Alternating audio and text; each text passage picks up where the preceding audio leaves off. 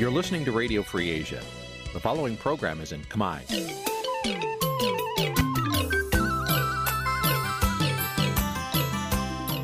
នេះជាកម្មវិធីផ្សាយ Vuthu Azizi Serai នេះជាកម្មវិធីផ្សាយរបស់ Vuthu Azizi Serai ជាភាសាខ្មែរ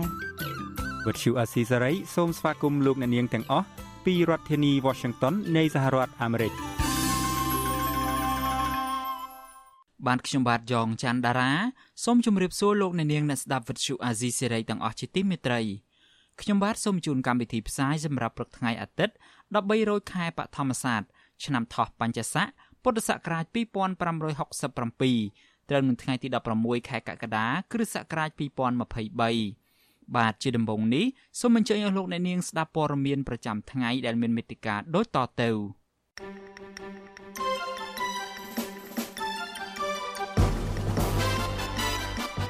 គ្រួសារមន្ត្រីគណៈបកភ្លើងទៀនទៀមទីឲ្យអាជ្ញាធរដោះលែងប្តីរបស់ពួកគាត់មកវិញក្រមស្ត្រីថ្ងៃសុកមានជីវភាពខ្វះខាតខណៈប្តីរបស់ពួកគាត់បន្តជាប់ឃុំក្នុងពន្ធនាគារសមាជិកសភាសហរដ្ឋអាមេរិកថាករណីកញ្ញាសេងធីរីជាឧទាហរណ៍មួយនៃការរំលោភសិទ្ធិមនុស្សធ្ងន់ធ្ងរប្រព្រឹត្តដោយរបបលោកហ៊ុនសែន តុលាការខេត្តកោះកុងប្រព្រឹត្តផ្ទុយពីគោលការណ៍ច្បាប់និងមនុស្សធម៌ក្នុងការឃុំខ្លួនសកម្មជនដីធ្លីលោកស្រីផៅយើងរួមនឹងព័ត៌មានសំខាន់សំខាន់មួយចំនួនទៀតបាទជាបន្តទៅទៀតនេះខ្ញុំបាទយ៉ងច័ន្ទដារាសូមជូនព័ត៌មានទាំងនេះពឺស្ដា ប្រពន្ធមន្ត្រីជាន់ខ្ពស់គណៈបកភ្លើងទៀននៅរាជធានីភ្នំពេញស្នើទៅអាជ្ញាធរដោះលែងប្តីរបស់ពួកគាត់ឲ្យមានសេរីភាពឡើងវិញពីព្រោះពួកគាត់ជាអ្នកនយោបាយដែលមានកិត្តិយសនិងកេរ្តិ៍ឈ្មោះស្អាតស្អំដោយមិនព្រមចោះចូលជាមួយនឹងគណៈបកកណ្ដាលអំណាចមន្ត្រីសិទ្ធិមនុស្សមើលឃើញថាការចាប់ខ្លួនសមាជិកគណៈបកប្រឆាំងនេះធ្វើឲ្យបរិយាកាសនយោបាយនៅមុនការបោះឆ្នោតកាន់តែរួមតូច ជាពិសេសរងការរិះគន់ពីសហគមន៍អន្តរជាតិបន្ថែមទៀត បាទអ្នកស្រីម៉ៅសុធានីរាយការណ៍ពឹស្ដាអំពីរឿងនេះក្រុមគ្រួសារចាត់ទុកការចាប់ប្រកាន់និងការចាប់ខ្លួនសកម្មជនបកភ្លើងទៀនទាំងនោះ ថាជាការធ្វើទុកបុកម្នេញផ្នែកនយោបាយប្រពន្ធមន្ត្រីគណៈបកភ្លើងទៀននៅរាជធានីភ្នំពេញលោកលីរី គឺលោកស្រីលីកំហួងប្រាប់វត្ថុអសីស្រីក្រោយពេទ្យប៉ូលីសស្លៀកពាក់ឯកសណ្ឋាននិងស៊ីវិលប្រមាណ20នាក់ បានចាប់ប្តីលោកស្រីដល់ផ្ទះដោយគ្មានដីកានោះមកដល់ពេលនេះលោកស្រីនៅមិនទាន់ដឹងមូលហេតុតាក់ទងនឹងការចាប់ខ្លួននិងមិនបានទទួលដំណឹង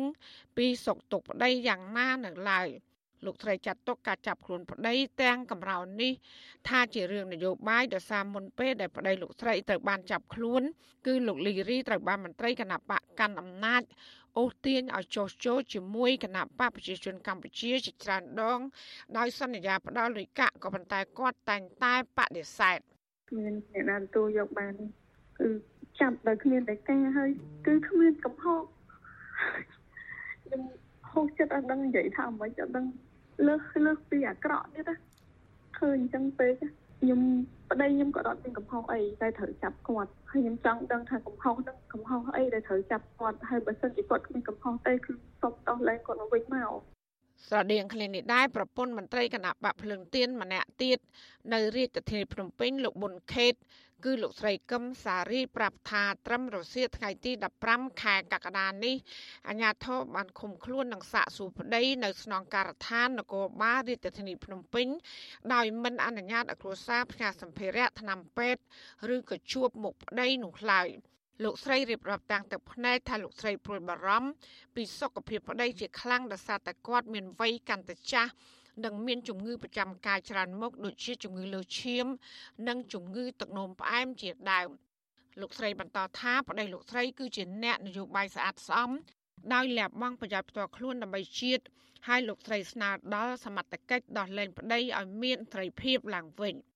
ត្រឹមត្រូវទេបងព្រោះសម្រុកមកចាប់អត់មានលេខាគាត់អត់មានដឹងកំហុសអីគាត់អត់មានទោសកំហុសអីទេគាត់គ្រាន់តែថាជាគណៈបកប្រឆាំងមួយរូបនិយាយទៅគាត់អត់ខុសអីហ្មងគេចាប់ទៅណាខ្ញុំសុំ នេះអស់អាញាថោដោះលែងគាត់ទៅវិញមកព្រោះគាត់ចាស់ហើយគាត់ទៀតណាមួយជំងឺអាលើឈាមហ្នឹងគាត់លេខថ្នាំមួយថ្ងៃហើយជំងឺទឹកនោមផ្អែមហ្នឹងក៏គាត់លេខថ្នាំមួយថ្ងៃដែរសូមឲ្យគាត់ដោះលែងវិញមកនៅជួបជុំគ្រួសារកូនចៅវិញអាញាធរដ្ឋាភិបាលលោកហ៊ុនសែនបានពាត់ផ្ទះឆ្មក់ចាប់ខ្លួនមន្ត្រីជាន់ខ្ពស់នៃគណៈបកភ្លើងទៀនទាំងពីរនាក់នេះកាលពីយប់ថ្ងៃទី14ខែកក្កដាក្នុងនោះរួមមាន អនុប្រធានក្រុមការងារគណៈបកភ្លើងទៀននៅរាជធានីភ្នំពេញលោកលីរីនិងប្រធានស្ដីទីគណៈកម្មាធិការប្រតិបត្តិគណៈបកភ្លើងទៀនប្រចាំរាជធានីភ្នំពេញ គឺលោកប៊ុនខេតដោយមិនដឹងមូលហេតុតកតងរឿងនេះអ្នកនាំពាក្យស្នងការដ្ឋាននគរបាលរាជធានីភ្នំពេញលោកសានសុកសីហាបដិសេធមិនឆ្លើយតបសំណួររបស់វិទ្យុអសីសេរីតកតងនឹងករណីចាប់ខ្លួនមន្ត្រីបកភ្លើងទៀនទាំងនេះទេ លោកជំរុញឲ្យសួរអ្នកនាំពាក្យក្រសួងមហាផ្ទៃលោកខៀវសុភ័ក្រវិទ្យុអសីស្រីមិនអាចតកតងលោកខៀវសុភ័ក្រដើម្បីបញ្ជាក់ជំវិញរឿងនេះបានទេនៅថ្ងៃទី15ខែកក្កដាទោះយ៉ាងណាលោកខៀវសុភ័ក្រប្រាប់ប្រព័ន្ធឃោសនារបស់លោកហ៊ុនសែនថាសមត្ថកិច្ចចាប់ខ្លួនមន្ត្រីបកភ្លើងទៀនទាំងពីរនាក់នេះគឺលោកលីរីនិងលោកប៊ុនខេតតាមបរិយាអាញាអមសាលាដំបងរាជធានីភ្នំពេញ ពាក់ព័ន្ធការញុះញង់ប្រជាពលរដ្ឋឲ្យគូសសន្លឹកឆ្នោតចោលលោកថាសមត្ថកិច្ចបានសាកសួរនិងកំពុងកសាងសំណុំរឿងនេះអនុវត្តទៅតាមនីតិវិធីតកតងរឿងនេះដែរអ្នកនាំពាក្យគណៈបកភ្លើងទៀនលោកគឹមសុភិរិទ្ធលើកឡើងថាគណៈបកព្រួយបារម្ភជាខ្លាំងចំពោះករណីសមត្ថកិច្ចចាប់ខ្លួនសមាជិកបកជាបន្តបន្ទាប់លោកបន្តថាមេធាវីគណៈបកគឺលោកសំសុគង្គនិងលោកជួងជងី កំពុងពិនិត្យមើលករណីនេះដោយយកចិត្តទុកដាក់ក្នុងកិច្ចការពារសិទ្ធិជូនពួកគេ ដែលត្រូវអាជ្ញាធរចោទប្រកាន់បកព្រឹងទៀតមិនបានចូលរួមការបោះឆ្នោតទេអញ្ចឹងទេគេតាអាជ្ញាធរពិនិត្យឡើងវិញទៅការខាត់ខ្លួនការចាប់ខ្លួនទាំងឡាយណាហ្នឹងគេតាធ្វើឲ្យស្របតាមនីតិវិធីនិងមានកត់តាំងជាក់ស្ដែងផង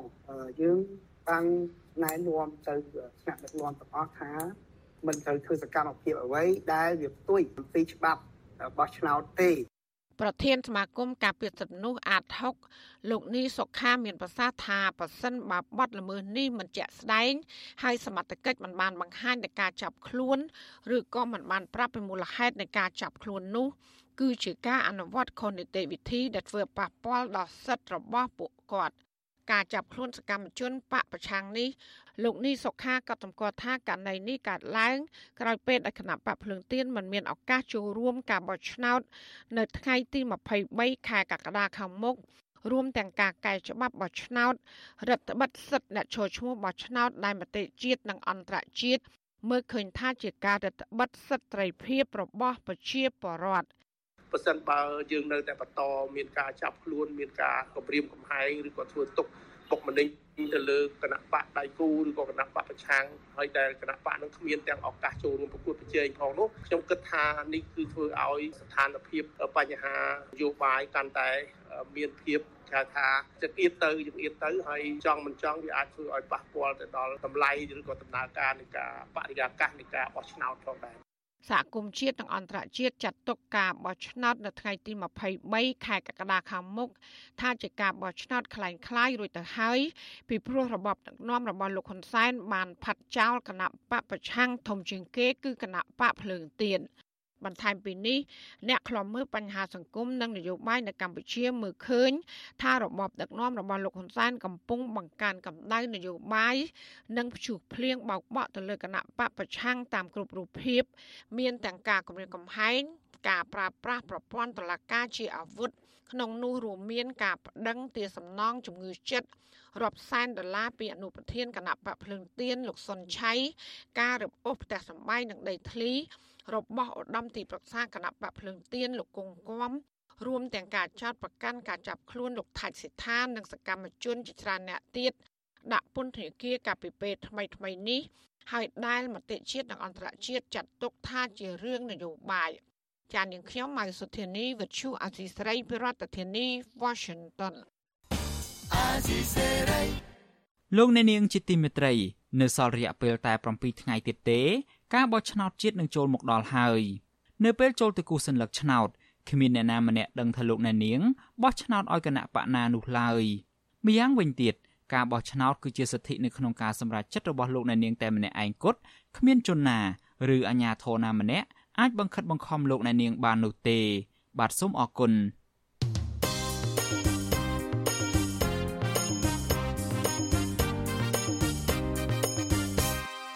បាទលោកអ្នកនាងជាទីមេត្រីពាក់ព័ន្ធទៅនឹងករណីជាប់ឃុំនយោបាយនេះដែរក្រមស្ត្រីថ្ងៃសុកដែលជាប្រពន្ធអតីតសកម្មជនគណៈបកប្រឆាំងត្អូញត្អែពីបញ្ហាជីវភាពលំបាកខ្លាំងស្របពេលដែលក្រុមគ្រួសាររបស់ពួកគាត់នៅតែបន្តជាប់ឃុំនៅក្នុងពន្ធនាគារពួកគាត់ខកចិត្តដែលតុលាការមិនព្រមដោះលែងក្រុមគ្រួសារគាត់ឲ្យត្រឡប់មកជួយរកប្រាក់ផ្គត់ផ្គង់ជីវភាពបាទសំលោកនៅនាងស្ដាប់សេចក្តីរាយការណ៍ពិស្ដារអំពីរឿងនេះរបស់លោកតារារាជសែនដូចតទៅ ខុសពីគ្រួសារខ្មែរមួយចំនួនដែលកំពុងរស់នៅជួបជុំគ្រួសារយ៉ាងសប្បាយរីករាយក្រុមស្ត្រីថ្ងៃសុកដែលរស់នៅព្រាត់ប្រាសប្តីពួកគេពុំមានប្រាក់គ្រប់គ្រាន់សម្រាប់ផ្គត់ផ្គង់ជីវភាពគ្រួសារនិងបញ្ជូនកូនកូនទៅសិក្សានៅសាលាល្អៗនោះឡើយតំណាងស្ត្រីថ្ងៃសុកដែលជាប្រពន្ធមន្ត្រីគណៈបកប្រឆាំងកំពុងជាប់ពន្ធនាគារលោកកកុម្ភា គឺលោកស្រីព្រំចន្ទថាប្រាប់វិទ្យុអាស៊ីសេរីនៅថ្ងៃទី10កក្កដាថាបច្ចុប្បន្នលោកស្រីត្រូវរ៉ាប់រងបន្ទុកគ្រួសារតែម្នាក់ឯងបន្ទាប់ប្តីលោកស្រីត្រូវតុលាការក្រុងភ្នំពេញចាប់ដាក់ពន្ធនាគារទាំងអយុត្តិធម៌លោកស្រីបន្តថាលោកស្រីបានឲ្យកូនកូនឈប់រៀនភាសាអង់គ្លេសដោយសារតែលោកស្រីគ្មានលទ្ធភាពគ្រប់គ្រាន់ក្នុងការបង់ថ្លៃសាលាឲ្យកូនរៀនលោកស្រីបន្ថែមថា ស្ថានភាពប្តីលោកស្រីក្នុងពន្ធនាគារប្រឈមនឹងកង្វះអាហារូបត្ថម្ភដោយសារតែម្ហូបអាហារគ្មានជីវជាតិជាពិសេសប្តីលោកស្រី មានជំងឺលើសឈាម និងគៀបឆ្អឹងថែមទៀតផង។ សូមផ្ដាំផ្ញើទៅយេសិលរដ្ឋាភិបាលនិងប្រព័ន្ធតុលាការសូមកាត់ក្តីអ្វីក៏ដោយសូមឲ្យឯករាជ្យនិងសុក្រិតដែលឲ្យយកវិជ្ជាជីវៈដែលលោកបានរៀននិងកម្មសិលធម៌របស់លោកដើម្បីការពារប្រជាពលរដ្ឋមិនមែនចាប់ប្រជាពលរដ្ឋដែលអត់កំហុសផ្សេងប្រដាក់ពន្ធនាគារម្នាក់5ឆ្នាំ8ឆ្នាំ6ឆ្នាំអញ្ចឹងឯងវាវាអត់ត្រឹមត្រូវទេចាហើយជាពិសេសប្រជាពលរដ្ឋដែលល្អល្អដូចគោលការណ៍របស់ពួកខ្ញុំគួរតែលើកតម្កើងគាត់ឲ្យតម្លៃគាត់ជាពិសេសរដ្ឋាភិបាលគឺជាសម្ដេចហ៊ុនសែនតែម្ដងសូមធ្វើការដោះលែងឬក៏ឲ្យគ្រួសាររបស់ពួកខ្ញុំមិនមានសេរីភាពអត់លក្ខខណ្ឌមកវិញមកព្រោះពួកគាត់ចាស់ចាស់អស់ហើយនៅក្នុងពន្ធនាគារលោកស្រីព្រំចន្ទថាបញ្ជាក់ថា បន្ទាប់ពីតុលាការចាប់ប្តីលោកស្រីនិងសកម្មជនគណៈបកប្រឆាំងផ្សេងទៀតដាក់ពន្ធនាគារលោកស្រីនិងប្រពន្ធសកម្មជនទាំងនោះបានចងក្រងគ្នាដើម្បីទាមទាររកយុត្តិធម៌ជូនប្តីលោកស្រី ចំណែកឯប្រពន្ធលោកវឿនសំណាង គឺលោកស្រីទៀងចិន្តាថ្លែងថាជីវភាពលោកស្រីលំបាកខ្លាំង ហើយសពថ្ងៃលោកស្រីលក់ការ៉េមតាមរទេះរុញដោយក្នុងមួយថ្ងៃអាចរកប្រាក់ចំណូលចន្លោះពី30000រៀលទៅ40000រៀលហើយជួនកាលមេឃភ្លៀងលក់មិនដាច់ទេដូច្នោះលោកស្រីត្រូវរុញរទេះទៅភូមិផ្សេងផ្សេងដែលនៅឆ្ងាយពីផ្ទះលោកស្រីបន្តថាប្រាក់ដែលលក់បានពីការលក់ការ៉េមនោះមួយចំនួនទុកទិញម្ហូប និងមួយចំនួនទៀតផ្ញើឲ្យប្តីក្នុងពន្ធនាគារដោយលោកស្រីត្រូវចាយត្បិតត្បៀត ខ្ញុំខ្ញុំពិតជាមានការសោកស្ដាយហើយក៏ពិបាកចិត្តដែរដោយសារអីប្តីខ្ញុំអត់មានខុសអីហើយគេចាប់គាត់ដាក់ក្នុងពន្ធនាគារហើយនឹងខ្ញុំជាក្រុមគ្រួសារពិតជាមិនសប្បាយចិត្តទេបងចាខ្ញុំគ្រាន់តែថាគាត់ចង់បានអសិទ្ធសេរីភាពភាពជាធិបតេយ្យអញ្ចឹងប្រពន្ធសកម្មជនបកប្រឆាំងបញ្ជាក់ហេតុផលដូចដូចគ្នាថាប្តីរបស់ពួកគាត់បានលះបង់ក្តីសុខផ្ទាល់ខ្លួនសុខចិត្តរងទុក្ខវេទនាផ្លូវកាយនិងផ្លូវចិត្ត នៅក្នុងគុកដោយរក្សាជំហររឹងមាំស្មោះត្រង់នឹងជាតិដូច្នោះប្តីរបស់ពួកគាត់មិនសុំទោសប្រមុខរដ្ឋាភិបាល ដើម្បីយករួចខ្លួននោះឡើយព្រោះប្តីរបស់ពួកគាត់មិនបានប្រព្រឹត្តខុសច្បាប់នោះទេ លោកស្រីទៀងចិន្តាបន្ថែមថាបច្ចុប្បន្ននេះប្តីរបស់ក្រុមស្ត្រីថ្ងៃសុកដែលជាសកម្មជនគណៈបកប្រឆាំងនៅសល់ចំនួន3នាក់មិនទាន់ដោះលែងគឺប្តីលោកស្រីគឺលោកវឿនសំណាង លោកកកកំភា និងលោកហេងច័ន្ទសុធី ការត្អូញត្អែរបស់ក្រុមស្ត្រីថ្ងៃសុកនេះគឺដោយសារតែពួកគាត់ត្រូវបង្ខំចិត្តឲ្យកូនកូនឈប់រៀនដើម្បីកាត់បន្ថយចំណាយនិងរកការងារក្រៅម៉ោងធ្វើសម្រាប់ទ្រទ្រង់ជីវភាពគ្រួសារបន្ទាប់ពីក្រុមគ្រួសាររបស់ពួកគាត់ត្រូវអាជ្ញាធរក្រុងភ្នំពេញចាប់ដាក់ពន្ធនាគាររយៈពេលជិត3ឆ្នាំមកនេះម្យ៉ាងពួកគាត់ត្រូវរ៉ាប់រងគ្រួសារម្នាក់ឯងនិងមានជំងឺប្រចាំកាយទៀត វិទ្យុអាស៊ីសេរីមិនអាចតាក់ទងអ្នកនាំពាក្យក្រសួងយុតិធធលោកជិនម៉ាលីននិងអ្នកនាំពាក្យរដ្ឋាភិបាលលោកផៃស៊ីផាន ដើម្បីសូមអត្ថាធិប្បាយជុំវិញបញ្ហានេះបានទេនៅថ្ងៃទី10កក្កដាតាក់ទិននឹងបញ្ហានេះអ្នកនាំពាក្យសមាគមការពារសិទ្ធិមនុស្សអាត់ហុកលោកសង្កសែនករណាយល់ឃើញថាអញ្ញាធិគួរតែពិចារណាដោះលែងក្រុមគ្រួសាររបស់ពួកគាត់ឲ្យមានសេរីភាពឡើងវិញមិនមែនទាល់តែពួកគាត់ទៅសុំទោស សុំចោះចូលទើបដោះលែងពួកគាត់នោះទេ លោកបន្តថានេះមិនមែនជាការអនុវត្តច្បាប់នោះទេប៉ុន្តែគឺជាការធ្វើទុកបុកម្នេញលើសកម្មជនគណៈបកប្រឆាំងច្រើនជាង លោកអំពីវនីវឲ្យអ្នកនយោបាយគ្រប់ភាគីដោះស្រាយគ្នាដោយសន្តិវិធីកុំប្រកាន់និន្នាការនយោបាយនិងរើសអើងបកពួក ចំណុចទាំងអស់នេះក៏គួរតែមានការគិតគូរពិចារណាទៅលើអ្នកទាំងអស់ដែលកំពុងជាប់ឃុំនឹងឲ្យពួកគាត់មានសេរីភាពឡើងវិញទៅពីព្រោះពួកគាត់កំពុងតែជួបនៅវិបត្តិធ្ងន់ធ្ងរពាក់ព័ន្ធទៅនឹងជីវភាពគ្រួសាររបស់ពួកគាត់កូនចៅរបស់ពួកគាត់ហើយពាក់ព័ន្ធទៅនឹងបញ្ហាសេដ្ឋកិច្ចអីទាំងអស់នេះគួរតែមានការសម្របសម្រួលណាមួយដើម្បីឲ្យពួកគាត់មានសេរីភាពចេញមកធ្វើកិច្ចការងារផ្នែកនយោបាយទៅតាមឆន្ទៈរបស់គាត់កន្លងទៅក្រមស្ត្រីថ្ងៃសុក តែងតែចេញតវ៉ានៅតាមទីសាធារណៈនិងដាក់ញត្តិទៅស្ថានទូតប្រទេសប្រជាធិបតេយ្យធំធំ រួមមានសហរដ្ឋអាមេរិកសហភាពអឺរ៉ុបជប៉ុនអូស្ត្រាលីជាដើមដើម្បីស្វែងរកកិច្ចអន្តរាគមន៍ជំរុញឲ្យរដ្ឋាភិបាលកម្ពុជាដោះលែងប្តីនិងសមាជិកក្រុមគ្រួសាររបស់ពួកគាត់ឲ្យមានសេរីភាពឡើងវិញពីព្រោះពួកគាត់គ្មានជំនឿលើស្ថាប័នតុលាការប៉ុន្តែការដាក់ញត្តិនិងការតវ៉ានេះ លោកហ៊ុនសែនមិនដែលអើពើជួយដោះស្រាយនោះឡើយផ្ទុយទៅវិញបណ្ដាបណ្ដោយអាញាធរប្រើអំពើហិង្សាវាយទាត់ធាក់ចាប់បោករហូតដល់ស្ត្រីខ្លះសន្លប់ចូលពេទ្យនិងស្ត្រីមួយចំនួនរងរបួសបែកមុខមាត់ជាដើមចំណែកឯអ្នកខ្លះទៀតគ្រាន់តែចេញវីដេអូសុំទោសលោកហ៊ុនសែនភ្លាមក៏ត្រូវបានលោកហ៊ុនសែនដោះលែងឲ្យមានសេរីភាពក្រោយការសុំទោសមិនទាន់បានប៉ុន្មានម៉ោងផងនោះ ក្រមស្ត្រីថ្ងៃសុកសោកស្ដាយដែលតុលាការអនុវត្តច្បាប់ដោយមិនឈលលើគោលការណ៍ឯករាជ្យប៉ុន្តែបែរជាយកបញ្ជារបស់លោកហ៊ុនសែនមកអនុវត្តជំនួសវិញរយៈពេលចុងក្រោយនេះមានការរៀបចំឲ្យអ្នកជាប់ឃុំជាសកម្មជនគណៈបកប្រឆាំងនិងមន្ត្រីអង្គការសង្គមស៊ីវិលធ្វើវីដេអូចេញពីពន្ធនាគារសុំទោសលោកហ៊ុនសែនហើយអ្នកទាំងនោះតែងតែត្រូវបានតុលាការដោះលែងឬត្រូវបានលោកហ៊ុនសែនស្នើទៅព្រះមហាក្សត្រឲ្យលើកលែងទោស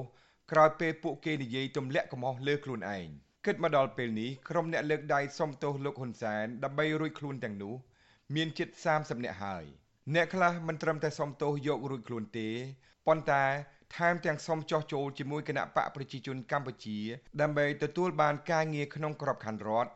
ឬទួនាទីក្នុងជួររដ្ឋាភិបាលថែមទៀតមកទល់ពេលនេះមានសកម្មជនគណៈបកប្រឆាំងនិងអ្នករិះគន់រដ្ឋាភិបាលជាង50នាក់ទៀត ដែលកំពុងជាប់ឃុំក្នុងពន្ធនាគារដោយសារតែអនុវត្តសិទ្ធិសេរីភាពរបស់ខ្លួនភ្នាក់ច្រើននៃអ្នកទោសអ្នកទាំងនោះត្រូវបានតុលាការចោទប្រកាន់ពីបទញុះញង់និងរួមគំនិតក្បត់ពាក់ព័ន្ធនឹងដំណើរមាតុភូមិនិវត្តរបស់លោកសំរងស៊ីកាលពីចុងឆ្នាំ2019ដែលត្រូវជាប់ពន្ធនាគារចន្លោះពី5ឆ្នាំទៅ7ឆ្នាំក្រមស្ត្រីថ្ងៃសុកបដិញ្ញាថាពួកគាត់នឹងមិនបោះបង់ការទាមទាររកសិទ្ធិសេរីភាព ជូនក្រុមគ្រួសាររបស់ពួកគាត់នោះឡើយដរាបណាតុលាការក្រុងភ្នំពេញនៅតែមិនទាន់ផ្ដល់ភាពស្អាតស្អំឲ្យក្រុមគ្រួសាររបស់ពួកគាត់ទេនោះសហគមន៍ជាតិនិងអន្តរជាតិថ្កោលទោសអាញាធររដ្ឋាភិបាលលោកហ៊ុនសែននិងអំពាវនាវឲ្យទម្លាក់ចោលរាល់បទចោទប្រកាន់ប្រឆាំងនឹងសមាជិកគណៈបកប្រឆាំងអ្នកការពារសិទ្ធិមនុស្សហើយដោះលែងពួកគាត់ឲ្យមានសេរីភាពឡើងវិញដោយឥតលក្ខខណ្ឌខ្ញុំដារ៉ារាជសែន With you Azisari ទីក្រុង Adelaide លោកអ្នកនាងកំពុងស្ដាប់ការផ្សាយរបស់ Vuthu Azizi Serai ពីរដ្ឋធានី Washington នៃសហរដ្ឋអាមេរិកសកម្មជនគណៈបកប្រឆាំងដែលកំពុងភៀសខ្លួននៅប្រទេសថៃតស៊ូទ្រាំលំបាកវេទនាទ្រាំរស់នៅជាជនភៀសខ្លួនគ្មានមុខរបរទៀងទាត់ក៏ពួកគាត់មិនក្បត់ឆន្ទៈតាមការអូសទាញរបស់គណៈបកកណ្ដាលអំណាចនោះដែរការរក្សាឆន្ទៈរបស់ជនភៀសខ្លួនបែបនេះគឺក្រោយពេលគណៈបកកណ្ដាលអំណាច ព្យាយាមអូសទាញនិងគំរាមកំហែងឲ្យពួកគាត់ទៅចោះចូលជាមួយនឹងគណៈបកប្រជាជនកម្ពុជាបាទលោកអ្នកនាងនឹងបានស្ដាប់ព័ត៌មាននេះពឹស្ដានៅក្នុងកម្មវិធីផ្សាយរបស់ Vuthu Azizi Serai នៅយប់នេះដែលចាប់ផ្ដើមនៅម៉ោង7កន្លះដល់ម៉ោង8កន្លះម៉ោងនៅកម្ពុជា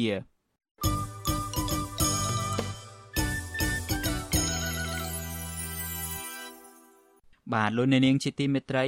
យើងងាកមកចាប់អារម្មណ៍ពាក់ព័ន្ធទៅនឹងសំណុំរឿងរបស់កញ្ញាសេងធីរីឯនេះវិញសាច់ញាតិរបស់កញ្ញាសេងធីរីស្នើឲ្យរដ្ឋមន្ត្រីការបរទេសសហរដ្ឋអាមេរិក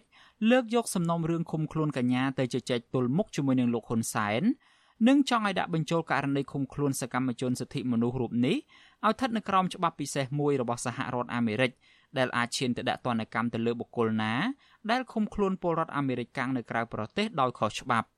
អ្នកវិភាគគាំទ្រចំពោះការស្នើរបស់សាច់ញាតិកញ្ញាសេងធីរីនេះដើម្បីដាក់ទណ្ឌកម្មទៅលើលោកហ៊ុនសែននិងមន្ត្រីរបស់លោកបងប្រុសកញ្ញាសេងធីរីអ្នកជំនាញច្បាប់និងជាសកម្មជនសិទ្ធិមនុស្សចង់ឲ្យរដ្ឋាភិបាលសហរដ្ឋអាមេរិកចាត់វិធានការបន្ថែមនៅក្នុងការជំរុញឲ្យរដ្ឋាភិបាលលោកហ៊ុនសែនដោះលែងប្អូនស្រីរបស់លោកឲ្យមានសេរីភាពវិញបងប្រុសកញ្ញាសេងធីរីគឺលោកសេងម៉ាឌីលើកឡើងតាមរយៈសេចក្តីថ្លែងការណ៍មួយកាលពីថ្ងៃទី13ខែកក្កដា ដោយស្នើឲ្យរដ្ឋមន្ត្រីការបរទេសសហរដ្ឋអាមេរិកលោក Anthony Blinken លើកយកករណីឃុំខ្លួនប្អូនស្រីរបស់លោក ទៅជជែកទល់មុខលោកហ៊ុនសែននៅឯកិច្ចប្រជុំអាស៊ាននាពេលខាងមុខនេះដែលរៀបចំធ្វើឡើងនៅទីក្រុងចាកាតា ប្រទេសឥណ្ឌូនេស៊ីលើសពីនេះទៅទៀតលោកក៏ស្នើឲ្យក្រសួងការបរទេសសហរដ្ឋអាមេរិកឈប់ពន្យាពេលនៅក្នុងការបញ្ជូនសំណុំរឿងកញ្ញាសេងធីរី ឲ្យស្ថិតនៅក្រោមច្បាប់ស្តីពីការចាប់ឃុំខ្លួនពលរដ្ឋអាមេរិកកាំងដោយខុសច្បាប់នៅក្រៅប្រទេសឬហៅថាច្បាប់ Levinson Act ដែលត្រូវផ្ទេរសំណុំរឿងឃុំខ្លួនកញ្ញាសេងធីរីទៅឲ្យបេសកជនប្រធានាធិបតីសហរដ្ឋអាមេរិកស្ដីពីកិច្ចការចំណាប់ខ្មាំងជាអ្នកទទួលខុសត្រូវច្បាប់ Levinson ត្រូវបានបង្កើតឡើងដើម្បីជួយដល់ពលរដ្ឋអាមេរិកកាំងដែលត្រូវបានគេចាប់ធ្វើជាចំណាប់ខ្មាំងឬឃុំខ្លួនដោយខុសច្បាប់នៅក្រៅប្រទេសសហរដ្ឋអាមេរិក អាចប្រើច្បាប់នេះដើម្បីដាក់ទណ្ឌកម្មដោយហាមឃាត់ចូលទឹកដីសហរដ្ឋអាមេរិកឬបង្កកទ្រព្យសម្បត្តិបុគ្គលដែលទទួលខុសត្រូវទៅលើការឃុំខ្លួនពលរដ្ឋរបស់ខ្លួនដោយខុសច្បាប់នៅក្នុងសេចក្តីថ្លែងការណ៍ដដែលលោកសេងម៉ាឌីបង្ហាញការខកចិត្តចំពោះការលើកឡើងរបស់អ្នកនាំពាក្យក្រសួងការបរទេសសហរដ្ឋអាមេរិកលោក Matthew Miller ដោយសារក្រសួងការបរទេសសហរដ្ឋអាមេរិកបន្តពន្យាពេល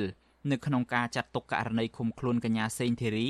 អ្នកទោសនយោបាយសញ្ជាតិខ្មែរអាមេរិកាំងជាការឃុំខ្លួនខុសច្បាប់ឲ្យស្ថិតនៅក្រោមច្បាប់ Levinson លោកបន្តថាការពន្យាពេលនេះគឺជាការមិនយល់ពីអារម្មណ៍ឈឺចាប់ដ៏ធំធេងរបស់ក្រុមគ្រួសារកញ្ញាសេងធីរីជុំវិញការលើកឡើងនេះវិទ្យុអាស៊ីសេរីមិនទាន់ទទួលបានការឆ្លើយតបពីអ្នកនាំពាក្យស្ថានទូតសហរដ្ឋអាមេរិកប្រចាំនៅកម្ពុជា អ្នកស្រី Stephanie Azad តាមសារអេឡិចត្រូនិកនៅឡើយទេ នៅថ្ងៃទី15ខែកក្កដាកញ្ញាសេងធីរីគឺជាមេធាវីខាងសិទ្ធិមនុស្សដ៏ឆ្នើមម្នាក់ដែលត្រូវបានសាច់ញាតិរួមទាំងសកម្មជនសិទ្ធិមនុស្សនិងអង្គការសហប្រជាជាតិផងចាត់ទុកថាជាអ្នកតស៊ូមតិដោយមិនខ្លាចញញើតអស់ជាច្រើនឆ្នាំមកហើយនៅក្នុងការលើកកម្ពស់សិទ្ធិសេរីភាពលទ្ធិប្រជាធិបតេយ្យនិងសិទ្ធិមនុស្សនៅកម្ពុជាសមត្ថកិច្ចក្រុងភ្នំពេញបានចាប់ខ្លួនកញ្ញាសេងធីរី កាលពីថ្ងៃទី14ខែមិថុនាឆ្នាំ2022នៅខាងមុខតុលាការក្រុងភ្នំពេញក្រោយពីតុលាការប្រកាសសាលក្រមផ្ដន្ទាទោសឲ្យកញ្ញាជាប់ពន្ធនាគារចំនួន6ឆ្នាំពីបទចោទរួមគំនិតក្បត់នៅក្នុងសំណុំរឿងវិលជុលស្រុកវិញរបស់លោកសំរងស៊ីកាលពីឆ្នាំ2019មួយថ្ងៃក្រោយមកតុលាការបានបញ្ជូនកញ្ញាទៅឃុំខ្លួននៅពន្ធនាគារដាច់ស្រយាលនៅក្នុងខេត្តព្រះវិហាររហូតមកទល់នឹងពេលបច្ចុប្បន្ននេះ។ តកតងទៅនឹងការលើកឡើងរបស់សាច់ញាតិកញ្ញាសេងធីរីនេះវិទ្យុអាស៊ីសេរីមិនអាចសុំការឆ្លើយតបពីប្រធានអង្គភិបអ្នកណែនាំពាក្យរដ្ឋាភិបាលកម្ពុជាលោកផៃស៊ីផាន និងអ្នកណែនាំពាក្យគណៈបកប្រជាជនកម្ពុជាលោកសុកអេសានបាននៅឡើយទេ នៅថ្ងៃទី15ខែកក្កដាក៏ប៉ុន្តែកន្លងទៅលោកនាយរដ្ឋមន្ត្រីហ៊ុនសែនធ្លាប់បានប្រកាសជាបន្តបន្ទាប់ថា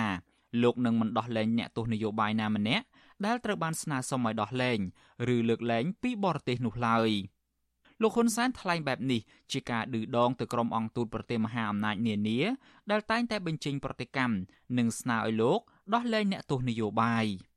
តកតងទៅនឹងករណីកញ្ញាសេងធីរីនេះក្រុមការងារអង្គការសហប្រជាជាតិប្រឆាំងទៅនឹងការឃុំខ្លួនតាមទំនឹងចិត្តកាលពីថ្ងៃទី12ខែកក្កដាបានទាមទារឲ្យរដ្ឋាភិបាលលោកហ៊ុនសែនឲ្យដោះលែងកញ្ញាសេងធីរីវិញជាបន្ទាន់និងដោយគ្មានលក្ខខណ្ឌស្ថាប័នអន្តរជាតិកម្ពុជាមួយនេះ បានចាត់ទុកការឃុំខ្លួនកញ្ញាសេងធីរីថាជាការបំពានច្បាប់អន្តរជាតិនិងជាការរើសអើងនិន្នាការនយោបាយចំណែកអ្នកនាំពាក្យក្រសួងការបរទេសសហរដ្ឋអាមេរិកលោក Matthew Miller វិញលោកថ្លែងនៅក្នុងសន្និសីទសារព័ត៌មាននៅថ្ងៃនោះថាសហរដ្ឋអាមេរិកនៅតែបន្តតាមដានការឃុំខ្លួនកញ្ញាសេងធីរីយ៉ាងយកចិត្តទុកដាក់ លោកបញ្ជាក់ថារដ្ឋាភិបាលអាមេរិកក៏ធ្លាប់ស្នើឲ្យដោះលែងកញ្ញាសេងធីរីនិងអ្នកទោសនយោបាយផ្សេងទៀតជាបន្ទាន់នៅពេលជួបជាមួយមន្ត្រីជាន់ខ្ពស់រដ្ឋាភិបាលកម្ពុជារួមទាំងក្នុងកិច្ចពិភាក្សាជាលក្ខណៈបុគ្គលផងដែរជុំវិញរឿងនេះអ្នកវិភាគនយោបាយលោកកឹមសុខគាំទ្រឲ្យសហរដ្ឋអាមេរិកប្រើប្រាស់ច្បាប់ពិសេសនៅក្នុងការដាក់ទណ្ឌកម្មលើរដ្ឋាភិបាលលោកហ៊ុនសែនដោយលោកចាត់ទុកថា ការឃុំខ្លួនកញ្ញាសេងធីរីនេះគឺជារឿងធ្ងន់ធ្ងរពេកពីព្រោះវាកំពុងបង្ហាញថារដ្ឋាភិបាលលោកហ៊ុនសែនកំពុងធ្វើទរណកម្មទៅលើសេរីភាពនិងសិទ្ធិមនុស្សជាសកលតែម្ដងមិនមែនគ្រាន់តែទរណកម្មផ្លូវកាយនិងផ្លូវចិត្តលើកញ្ញាសេងធីរីដែលជាអ្នកតស៊ូដើម្បីសេរីភាព និងយុត្តិធម៌សង្គមនោះឡើយករណីរបស់គាត់រហូតទៅដល់ប្រធានាធិបតីនៃសហរដ្ឋអាមេរិកលោកជូបៃដិនជួបផ្ទាល់ជាមួយលោកហ៊ុនសែនធ្វើអន្តរាគមន៍ទៅទៀត នៅតែលោកហ៊ុនសែនប្រហើនដល់ចម្លើយអវិជ្ជមានម្ដងហើយម្ដងទៀតហើយថែមទាំងឌឺដងទៅទៀតរហូតមកដល់ពេលនេះអរិយាប័ត្រនេះរបស់លោកហ៊ុនសែនគឺជាការប្រមាថលើសហរដ្ឋអាមេរិកច្បាស់ពេកដែលខ្ញុំគិតថាសហរដ្ឋអាមេរិកមិនប្រឡែងនោះទេករណីផ្ដន់ទោសនឹងចាប់ឃុំខ្លួនកញ្ញាសេងធីរីនេះត្រូវបានសមាជិកសភាសហរដ្ឋអាមេរិកចាត់ទុកថា ជាឧទាហរណ៍មួយនៃការរំលោភសិទ្ធិមនុស្សធ្ងន់ធ្ងរប្រព្រឹត្តដោយរបបដឹកនាំរបស់លោកហ៊ុនសែនសមាជិកសភាសហរដ្ឋអាមេរិកទាំងពីរគណៈបកទាំងនៅក្នុងសភាជាន់ទាបនិងជាន់ខ្ពស់កាលពីថ្ងៃទី14ខែកក្កដាបាននាំគ្នាដាក់ស្នើឡើងវិញនៅច្បាប់ស្តីពីសិទ្ធិមនុស្សនិងលទ្ធិប្រជាធិបតេយ្យកម្ពុជា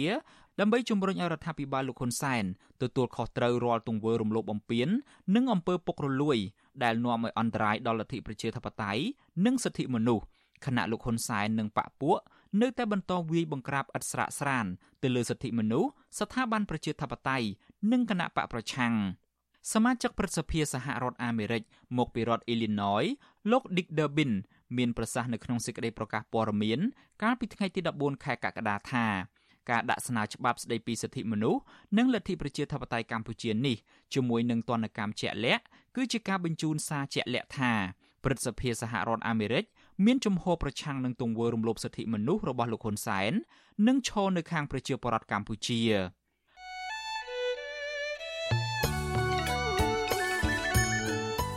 លោកអ្នកនាងជាទីមេត្រីវិទ្យុអាស៊ីសេរី ចាប់ផ្ដើមដំណើរការផ្សាយផ្ទាល់កម្មវិធីព័ត៌មានទាំងពេលព្រឹកនិងពេលយប់ជាផ្លូវការនៅលើបណ្ដាញសង្គមថ្មីមួយទៀតគឺបណ្ដាញសង្គម Telegram ចាប់ពីខែមេសាឆ្នាំ2023នេះតទៅលោកអ្នកនាងអាចស្វែងរក Telegram ផ្លូវការរបស់ Vuthu Azizi Siri ដោយស្វែងរកពាក្យថា Vuthu Azizi Siri ឬក៏ RFA ខ្មែរនៅលើទូរស័ព្ទដៃរបស់លោកអ្នកនាង បាទ Telegram ផ្លូវការរបស់ Vuthu Azizi Siri មានសញ្ញា Tick ជាសញ្ញាសម្គាល់ បាទក្រុមការងាររបស់ Vuthu Azizi Siri នឹងព្យាយាមរិះរកមធ្យោបាយថ្មីៗបន្ថែមទៀតដើម្បីផ្ដល់ភាពងាយស្រួលដល់លោកអ្នកនាងកញ្ញា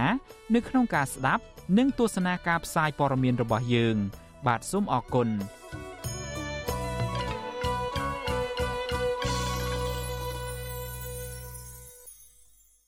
លោកអ្នកនាងកំពុងស្ដាប់ការផ្សាយរបស់ Vuthu Azizi Serai ពីរដ្ឋធានី Washington នៃសហរដ្ឋអាមេរិក ពាក់ព័ន្ធទៅនឹងករណីចាប់ជំរិតឯនេះវិញ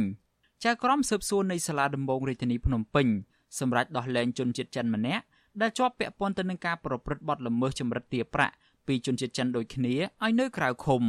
មន្ត្រីសង្គមស៊ីវិលនិងអ្នកវិភាគរិះគន់ចំពោះការដោះលែងជនល្មើសជាជនជាតិចិននេះ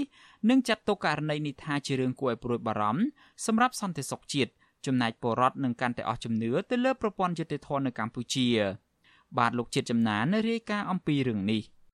អ្នកតាមដានស្ថានភាពនយោបាយកម្ពុជាលើកឡើងថាវាពុំមែនជារឿងពិបាកឡើយសម្រាប់ក្រុមអក្រិតជនអាចរួចខ្លួនពីការអនុវត្តទោសក្នុងប្រទេសដោយងាយងាយនោះពួកគាត់មើលឃើញថាករណីបែបនេះកើតមានឡើងដោយសារតែប្រទេសកម្ពុជា មានមេដឹកនាំបែបផ្ដាច់ការមានអំពើពុករលួយជាប្រព័ន្ធនិងមានអ្នកមានអំណាចចាំជួយអន្តរាគមន៍ក្រុមអក្រិតជនទាំងនោះអ្នកវិភាគនយោបាយលោកកឹមសុខប្រាប់វិសុយស៊ីស្រីនៅថ្ងៃទី15ខែកក្កដាថាលោកមិនភ្ញាក់ផ្អើលចំពោះតុលាការ ដែលបានដោះលែងជនជាប់ចោទដែលជាជនជាតិចិនម្នាក់ក្នុងសំណុំរឿងចាប់ចម្រិតនោះលោកបន្តថាជនជាតិចិនមួយចំនួនដែលមករកស៊ីបែបផ្លូវងងឹតត្រូវប្រកបរបរអាជីវកម្មខុសច្បាប់នៅកម្ពុជាពួកគេមានឥទ្ធិពលត្បិតពួកគេទាំងនោះតែងតែមានក្រុមអង្គការនិងមន្ត្រីក្រាក់ក្រាក់ឈរកាងពីក្រោយអ្នកវិភាគនយោបាយរូបនេះបន្ថែមថាការដែលកម្ពុជានិងចិនកន្លងមកតែងតែអះអាងថាបង្កើនកិច្ចសហប្រតិបត្តិការពង្រឹងការអនុវត្តច្បាប់ទៅលើក្រុមអក្រិតជនឆ្លងដែនគឺគ្រាន់តែជាខែលបាំងមុខមហាជនតែប៉ុណ្ណោះ គណៈជនជាតិចិនមួយចំនួនកំពុងប្រព្រឹត្តបទល្មើសនៅកម្ពុជាហើយលោកកុំសុកថាពួកគេតែងតែដោះស្រាយបញ្ហា ដោយប្រើប្រាស់លុយជាមួយនឹងអាជ្ញាធរឬការអនុវត្តច្បាប់ដើម្បីជាធ្នូឲ្យពួកគេរួចផុតពីការអនុវត្តច្បាប់នៅកម្ពុជា ខ្ញុំខ្ញុំអត់មានការភ្ញាក់ផ្អើលទេដែលលើថាមានការដោះលែងជនជាតិចិននោះពីព្រោះខ្ញុំដឹងច្បាស់ថាករណីជនជាតិចិននៅប្រទេសកម្ពុជាទោះបីជាប្រព្រឹត្តបទល្មើសអ្វីក៏ដោយតូចឬធំខុសឬត្រូវកាលណាគេចាប់ដាក់គុកត្រូវតែប្រើលុយដើម្បីបញ្ចប់បញ្ហាវិធីមួយទៀតគឺថាប្រើបពួកនៅក្នុងរដ្ឋាភិបាលលោកហ៊ុនសែនដែលមានសក្តានុពលរកស៊ីងងឹតចំនួនជាមួយគ្នានោះជនជាតិចិននៅប្រទេសកម្ពុជាយើងមានអំណាចណាស់គេអាចកសាច់រឿងគ្រប់បែបយ៉ាងប៉ុន្តែដោះស្រាយបញ្ហាដោយងាយតាមវិធីលុយនិងបពួករបស់ក្រុមគ្រួសារហ៊ុនប្រតិកម្មរបស់អ្នកវិភាគបែបនេះធ្វើឡើងបន្ទាប់ពីចៅក្រមស៊ើបសួរស្លាដំបូងរាជធានីភ្នំពេញលោកឆោមច័ន្ទពិសិដ្ឋកាលពីថ្ងៃទី10ខែកក្កដាបានចេញលិខិតមួយបង្គាប់ឲ្យដោះលែងជនជាតិចិនឈ្មោះបៃហ្វូជុនក្នុងសំណុំរឿងចម្រិតទារប្រាក់10លានដុល្លារឲ្យនៅក្រៅឃុំនិងស្នើដល់អគ្គស្នងការនគរបាលជាតិលោកណេតសាវឿនឲ្យបណ្ដេញជនជាតិចិនរូបនេះចេញពីកម្ពុជាកាលពីយប់ថ្ងៃទី13ខែមេសាកម្លាំងសមត្ថកិច្ចខណ្ឌដង្កោនិងក្រុមសមត្ថកិច្ចនៃនាយកដ្ឋានចារកម្ម និងនាយកដ្ឋានកណ្ដាលសន្តិសុខបានបង្ក្រាបជនជាតិចិន5នាក់ក្រោយពួកគេបានដេញវាយជនជាតិចិនម្នាក់ដើម្បីចម្រិតទារប្រាក់10លានដុល្លារដែលស្ថិតក្នុងអាសយដ្ឋានជនរងគ្រោះស្ថិតនៅសង្កាត់វាលវងខណ្ឌ7មករានគរបាលយុតិធធបានកសាងទំនំរឿងនេះហើយបញ្ជូនទៅតុលាការក្រុងភ្នំពេញ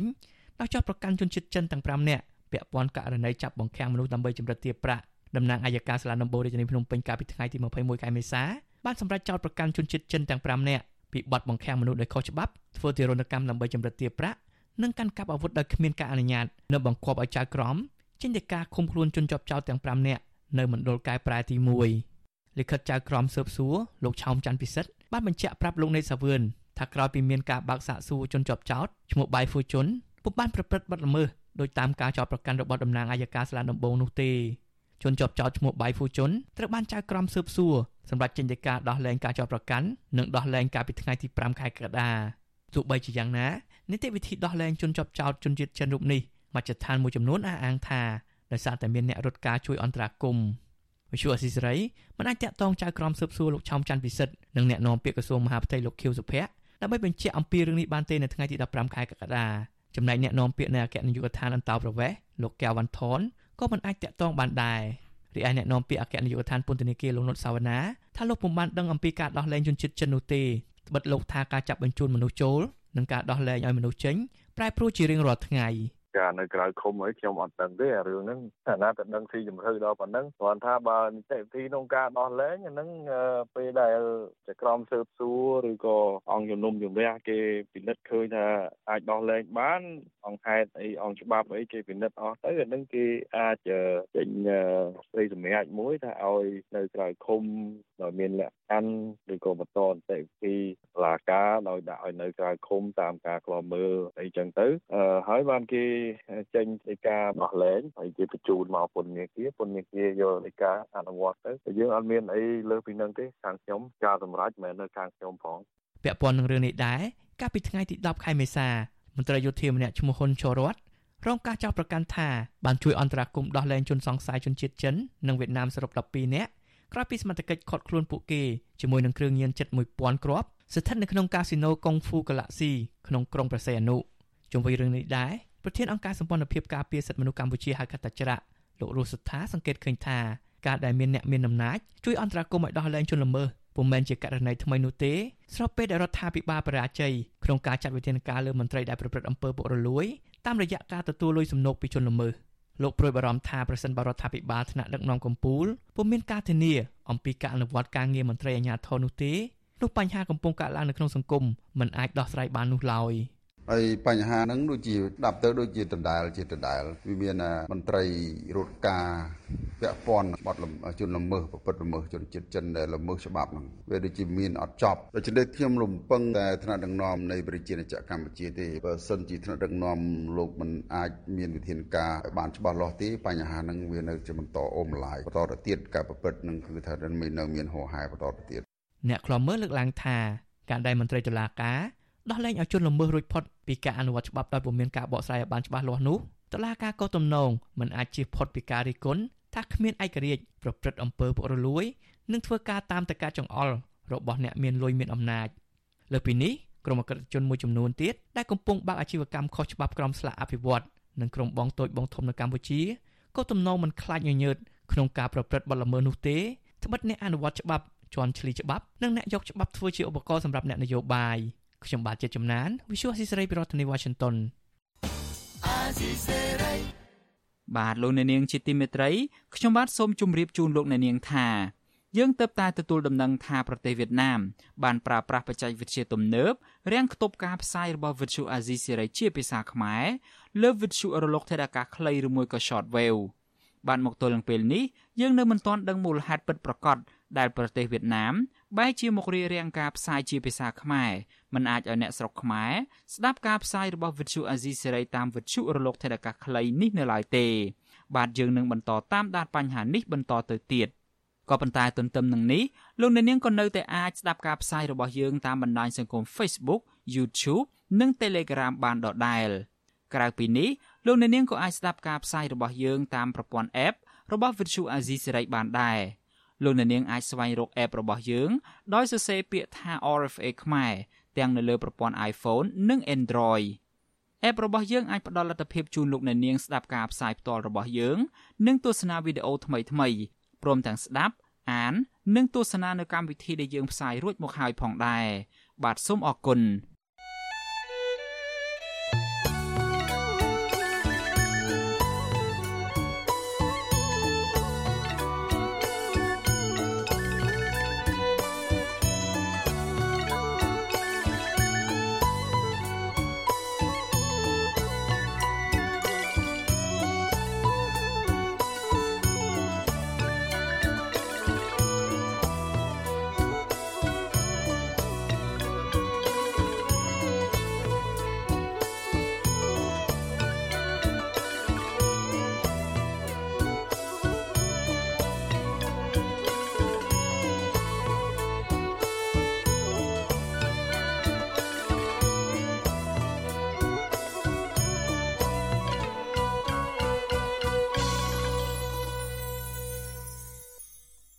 បាទលោកនាងជាទីមេត្រីយើងងាកមកចាប់អារម្មណ៍ពាក់ព័ន្ធទៅនឹងរឿងក្តីក្តាំរបស់លោកស្រីផាវយើងនៅឯតុលាការខេត្តកោះកុងឯនេះវិញសកម្មជនការពារដីធ្លីលោកស្រីផាវយើងកំពុងជាប់ឃុំបណ្ដោះអាសន្ននៅក្នុងពន្ធនាគារខេត្តកោះកុងក្រោយតុលាការចោទប្រកាន់ពីបទញុះញង់ឲ្យប្រព្រឹត្តបទឧក្រិដ្ឋជាអាតដោយសារតែលោកស្រីព្យាយាមទៅដាក់ញត្តិសុំអន្តរាគមន៍ពីរដ្ឋមន្ត្រីក្រសួងយុតិធធលោកស្រីផាវយើងបានជាប់ឃុំក្នុងមន្ទីរឃុំឃាំងជាមួយកូនស្រីតូចអាយុជាង1ខួបម្នាក់ ស្របពេលសុខភាពរបស់លោកស្រីក៏មិនល្អ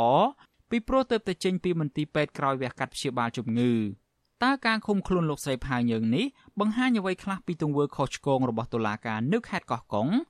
បាទសូមលោកអ្នកនាងស្ដាប់សេចក្តីរាយការណ៍នេះពឹស្ដារបស់អ្នកស្រីសុជីវីដូចតទៅការឃុំខ្លួនលោកស្រីផាវយើងទាំងលោកស្រីមានជំងឺមិនទាន់ជាសះស្បើយក្រោយពីវះកាត់និងមានកូនតូចជាប់ឃុំជាមួយទាំងដែលលោកស្រីមិនបានប្រព្រឹត្តកំហុស ឆ្លុះបញ្ចាំងថាតុលាការខេត្តកោះកុងពុំបានអនុវត្តត្រឹមត្រូវតាមច្បាប់និងឈលលើគោលការណ៍មនុស្សធម៌ទេ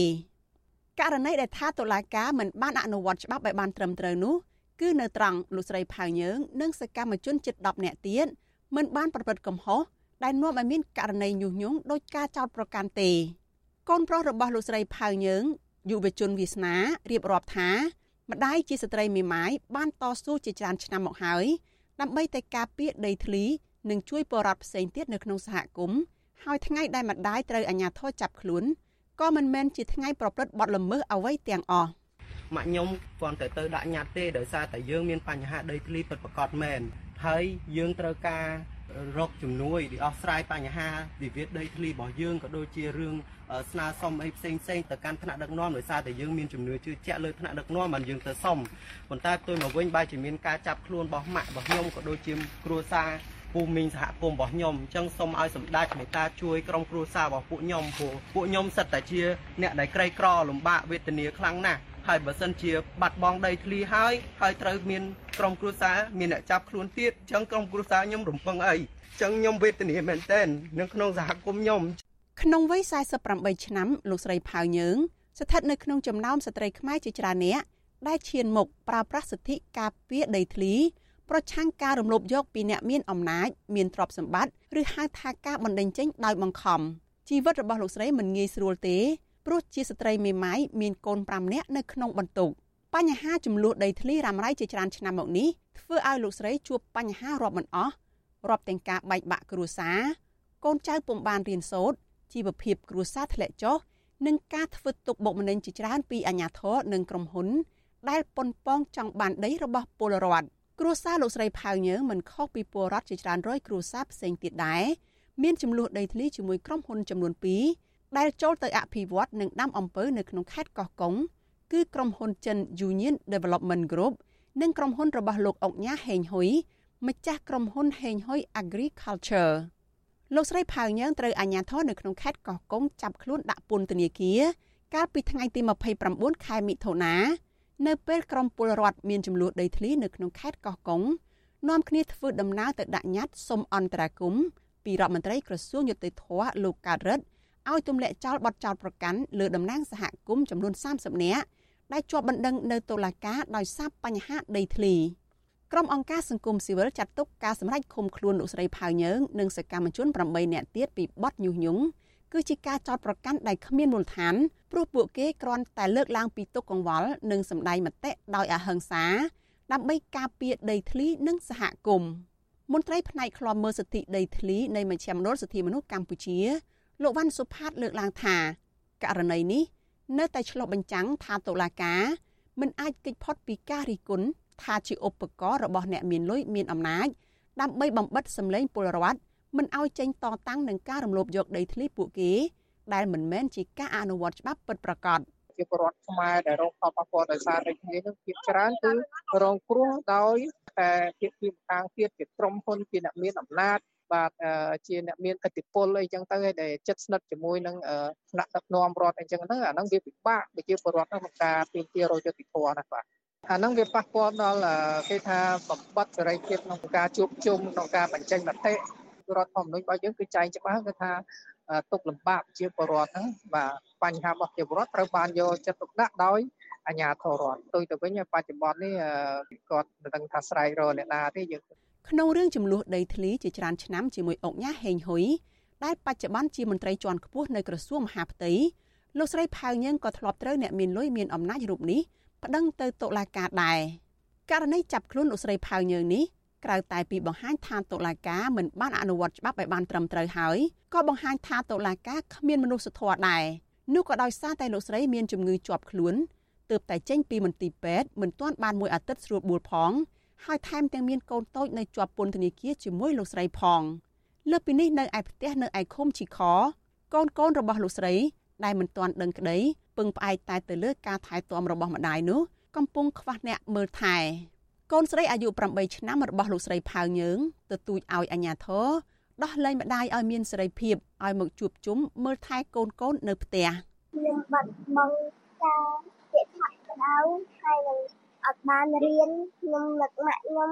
ខ្ញុំចង់បានដូចគ្រួសារគេជួបជុំគ្នាខ្ញុំចង់ជួបម៉ាក់ឲ្យគេដោះលែងម៉ាក់ខ្ញុំចេញមកក្រៅខ្ញុំចង់ជួបម៉ាក់ខ្ញុំសូមឲ្យតឡាការនៅខេត្តកោះកុងជួយដោះលែងម៉ាក់ខ្ញុំពីពន្ធនាគារខ្ញុំចង់ជួបជុំគ្រួសារវិញបន្ថែមពីលើការដង្ហោយហៅរកម្ដាយរបស់កូនកូននៅផ្ទះនេះកូនតូចរបស់លោកស្រីផៅញើងដែលកំពុងនៅជាមួយម្ដាយវិញក៏កំពុងបាត់បង់សិទ្ធិសេរីភាពទាំងមិនទាន់ដឹងក្តីនៅឡើយ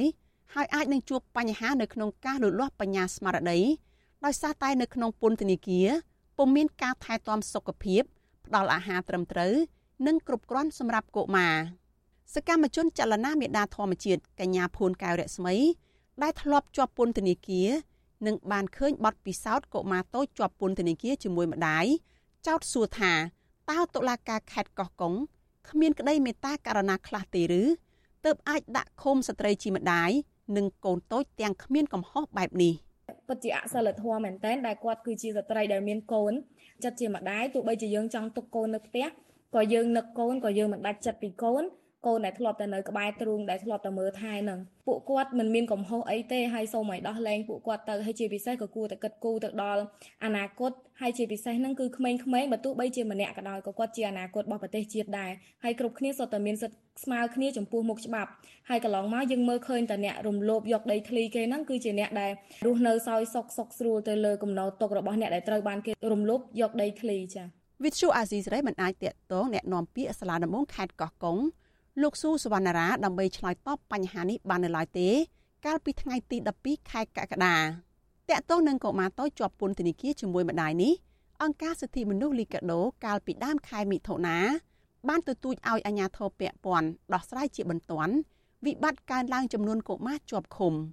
លីកាដូរកឃើញថាមានកុមារជិត100នាក់កំពុងរស់នៅជាមួយម្ដាយនៅក្នុងពន្ធនាគារគិតត្រឹមខែមេសាឆ្នាំ2023 ដែលជាការឃុំខ្លួនមិនចាំបាច់ទាល់តែសោះលីកាដូបញ្ជាក់ថាផលប៉ះពាល់ចំពោះការឃុំខ្លួនលើកុមារកាន់តែអាក្រក់ខ្លាំងទៅខ្លាំងទៅនៅពេលដែលពន្ធនាគារនៅទូទាំងប្រទេសចង្អៀតណែននិងខ្វះអនាម័យនាយកទទួលបន្ទុកកិច្ចការទូតនៃអង្គការលីកាដូលោកអំសំអាតលើកឡើងថាតុលាការខេត្តកោះកុងគួរតែដោះលែងសកម្មជនទាំងអស់ឲ្យមានសេរីភាពមកវិញជាពិសេសលោកស្រីផៅយើងនិងកូនតូចដើម្បីបញ្ជាការរិះគន់ថាតុលាការ បន្តបំពានសិទ្ធិពលរដ្ឋសិទ្ធិអនិច្ចជន និងអត្ថប្រយោជន៍របស់កុមារតូចក្មេងដូចកណាត់សអញ្ចឹងកាលណាថាគាត់ទៅនៅក្នុងពន្ធនាគារវាហាក់ដូចជាចលក់ដាមឲ្យគាត់ប្រឡាក់កណាត់សទៅវាប៉ះពាល់ទៅដល់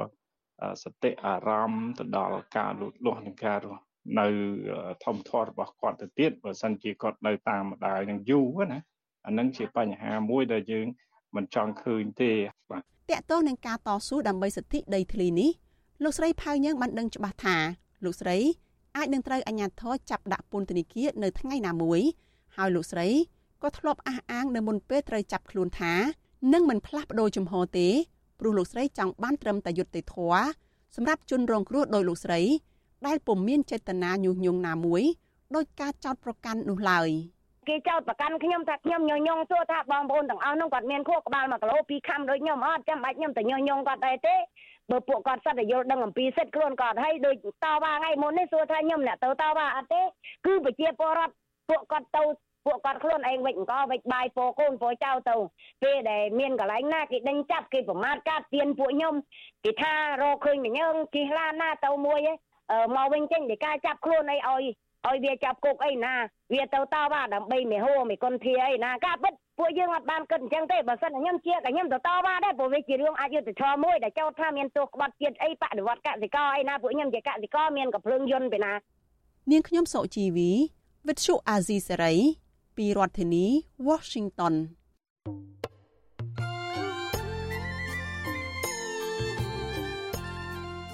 លោកអ្នកនាងជាទីមេត្រី នៅក្នុងឱកាសនេះដែរ ខ្ញុំបាទសូមថ្លែងអំណរគុណដល់លោកអ្នកនាងកញ្ញាទាំងអស់ដែលតែងតែមានភក្ដីភាពចំពោះការផ្សាយរបស់យើងហើយចាត់ទុកការស្ដាប់វិទ្យុអាស៊ីសេរីគឺជាផ្នែកមួយនៃសកម្មភាពប្រចាំថ្ងៃរបស់លោកអ្នកនាងគឺការគ្រប់គ្រងរបស់លោកអ្នកនាងនេះហើយដែលធ្វើឲ្យយើងខ្ញុំមានទឹកចិត្តកាន់តែខ្លាំងក្លាថែមទៀតនៅក្នុងការស្វែងរកនិងផ្តល់ព័ត៌មានជូនលោកអ្នកនាងមានអ្នកស្ដាប់អ្នកទស្សនាកាន់តែច្រើនកាន់តែធ្វើឲ្យយើងខ្ញុំមានភាពស្វាហាប់មោះមុតជាបន្តទៅទៀត យើងខ្ញុំសូមអរគុណទុកជាមុនហើយសូមអញ្ជើញលោកអ្នកនាងកញ្ញាទាំងអស់ចូលរួមជំរុញឲ្យសកម្មភាពផ្តល់ព័ត៌មានយើងនេះកាន់តែជោគជ័យបន្ថែមទៀតលោកអ្នកនាងអាចជួយយើងខ្ញុំបានដោយគ្រាន់តែចុចចែករំលែកឬមួយក៏ Share ការផ្សាយរបស់យើងនៅលើបណ្ដាញសង្គម Facebook និង YouTube ទៅកាន់មិត្តភ័ក្តិដើម្បីឲ្យការផ្សាយរបស់យើងបានទៅដល់មនុស្សកាន់តែច្រើន បាទសូមអរគុណ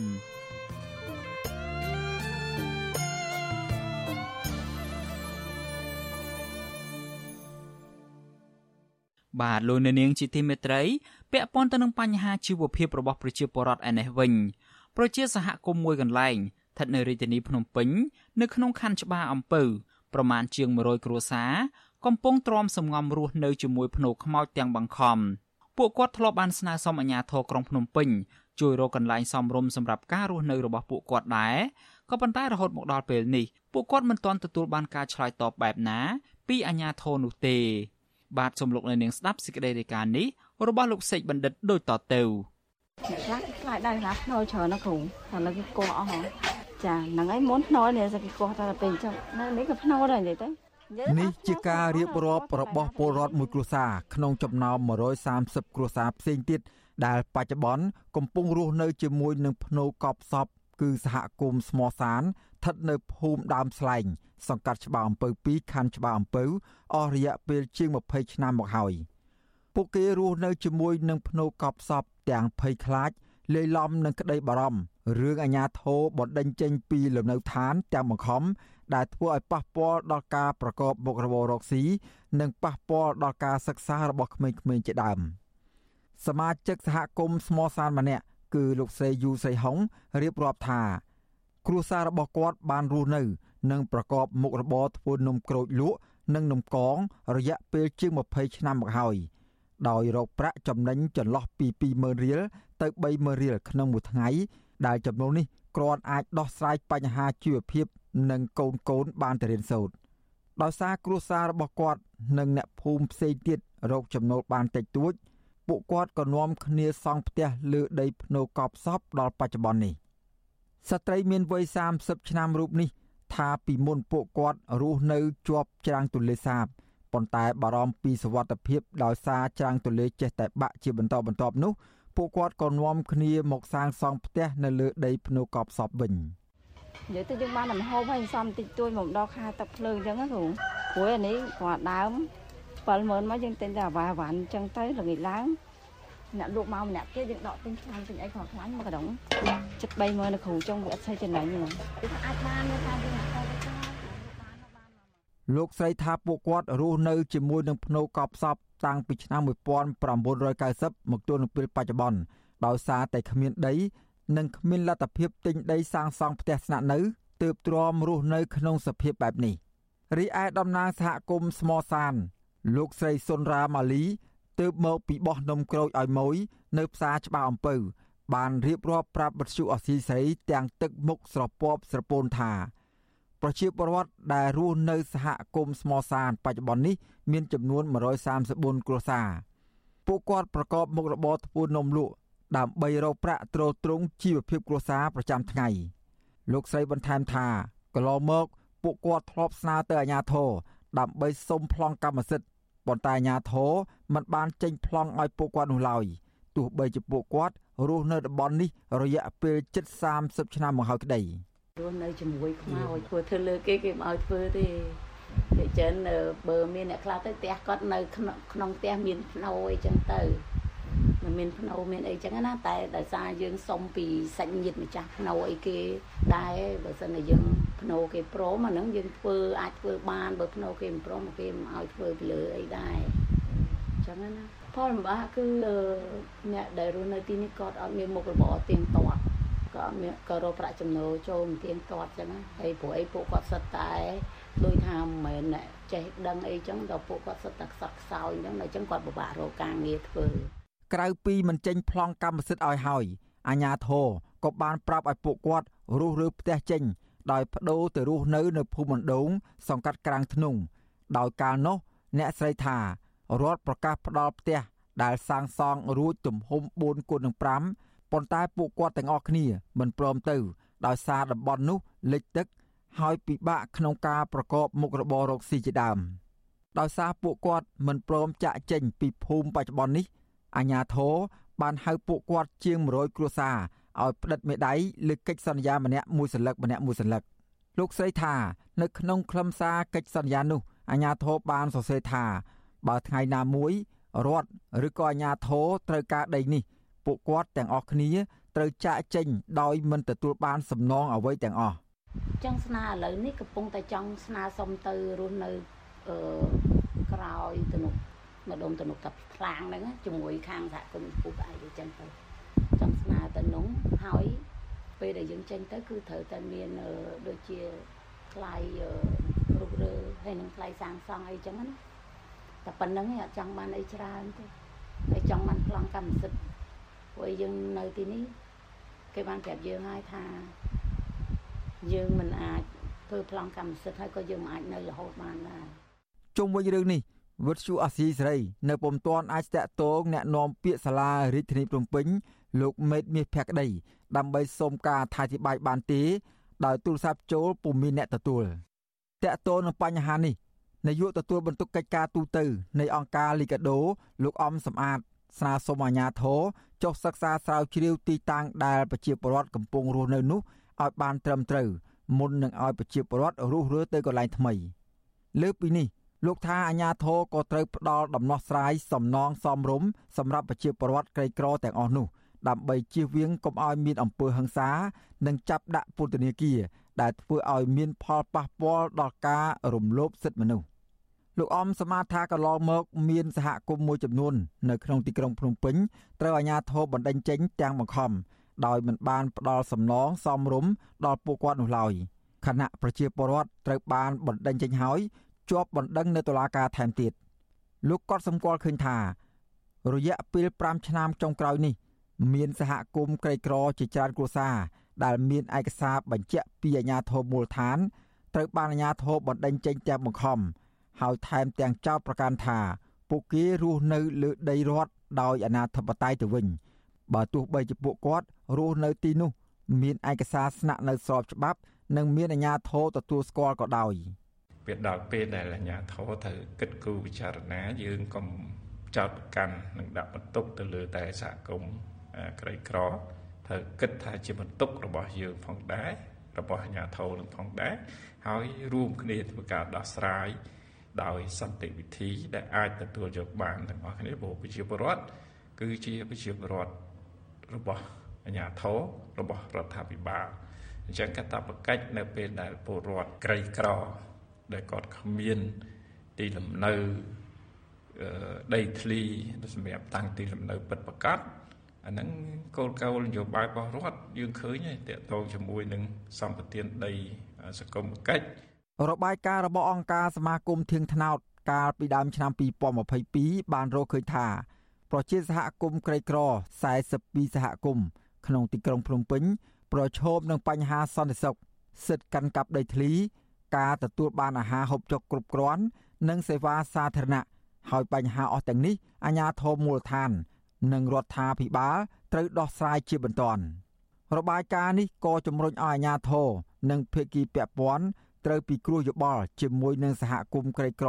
ប្រកបដោយតម្លាភាពនិងកិច្ចសន្ទនាជាបន្តបន្ទាប់ជាមួយនឹងស្ថាប័នពាក់ព័ន្ធរបស់រដ្ឋាភិបាល នៅពេលមានគម្រោងអភិវឌ្ឍនានា ដែលអាចធ្វើឲ្យមានការផ្លាស់ប្តូរទីលំនៅ និងការបណ្តេញចេញដោយបង្ខំខ្ញុំបាទសេកបណ្ឌិតវុទ្ធុអាស៊ីសេរីពីរដ្ឋធានីវ៉ាស៊ីនតោន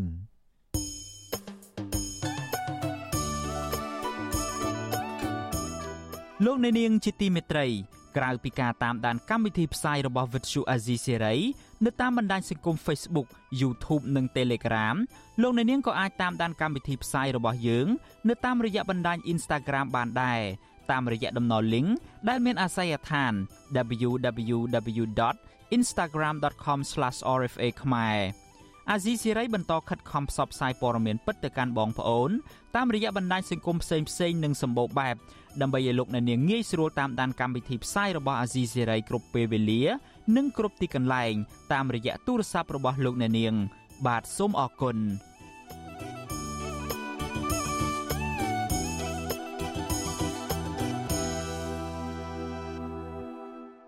លោកអ្នកនាងជាទីមេត្រី វិទ្យុអាស៊ីសេរី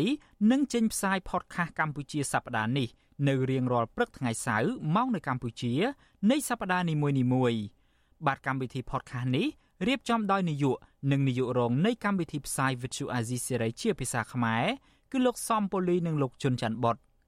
សូមប្រិយមិត្តស្វែងរក និងស្ដាប់ podcast របស់យើង នៅលើកម្មវិធី podcast របស់ Apple, Google និង Spotify ដោយគ្រាន់តែសរសេរពាក្យថា កម្ពុជាសប្តាហ៍នេះឬ Cambodia This Week នៅក្នុងប្រអប់ស្វែងរកយើងក៏នឹងចាក់ផ្សាយកម្មវិធី podcast នេះឡើងវិញ នៅក្នុងកម្មវិធីផ្សាយផ្ទាល់របស់យើង តាមបណ្ដាញសង្គម Facebook YouTube និង Telegram នៅរៀងរាល់យប់ថ្ងៃច័ន្ទម៉ោងនៅកម្ពុជា បាទសូមអរគុណ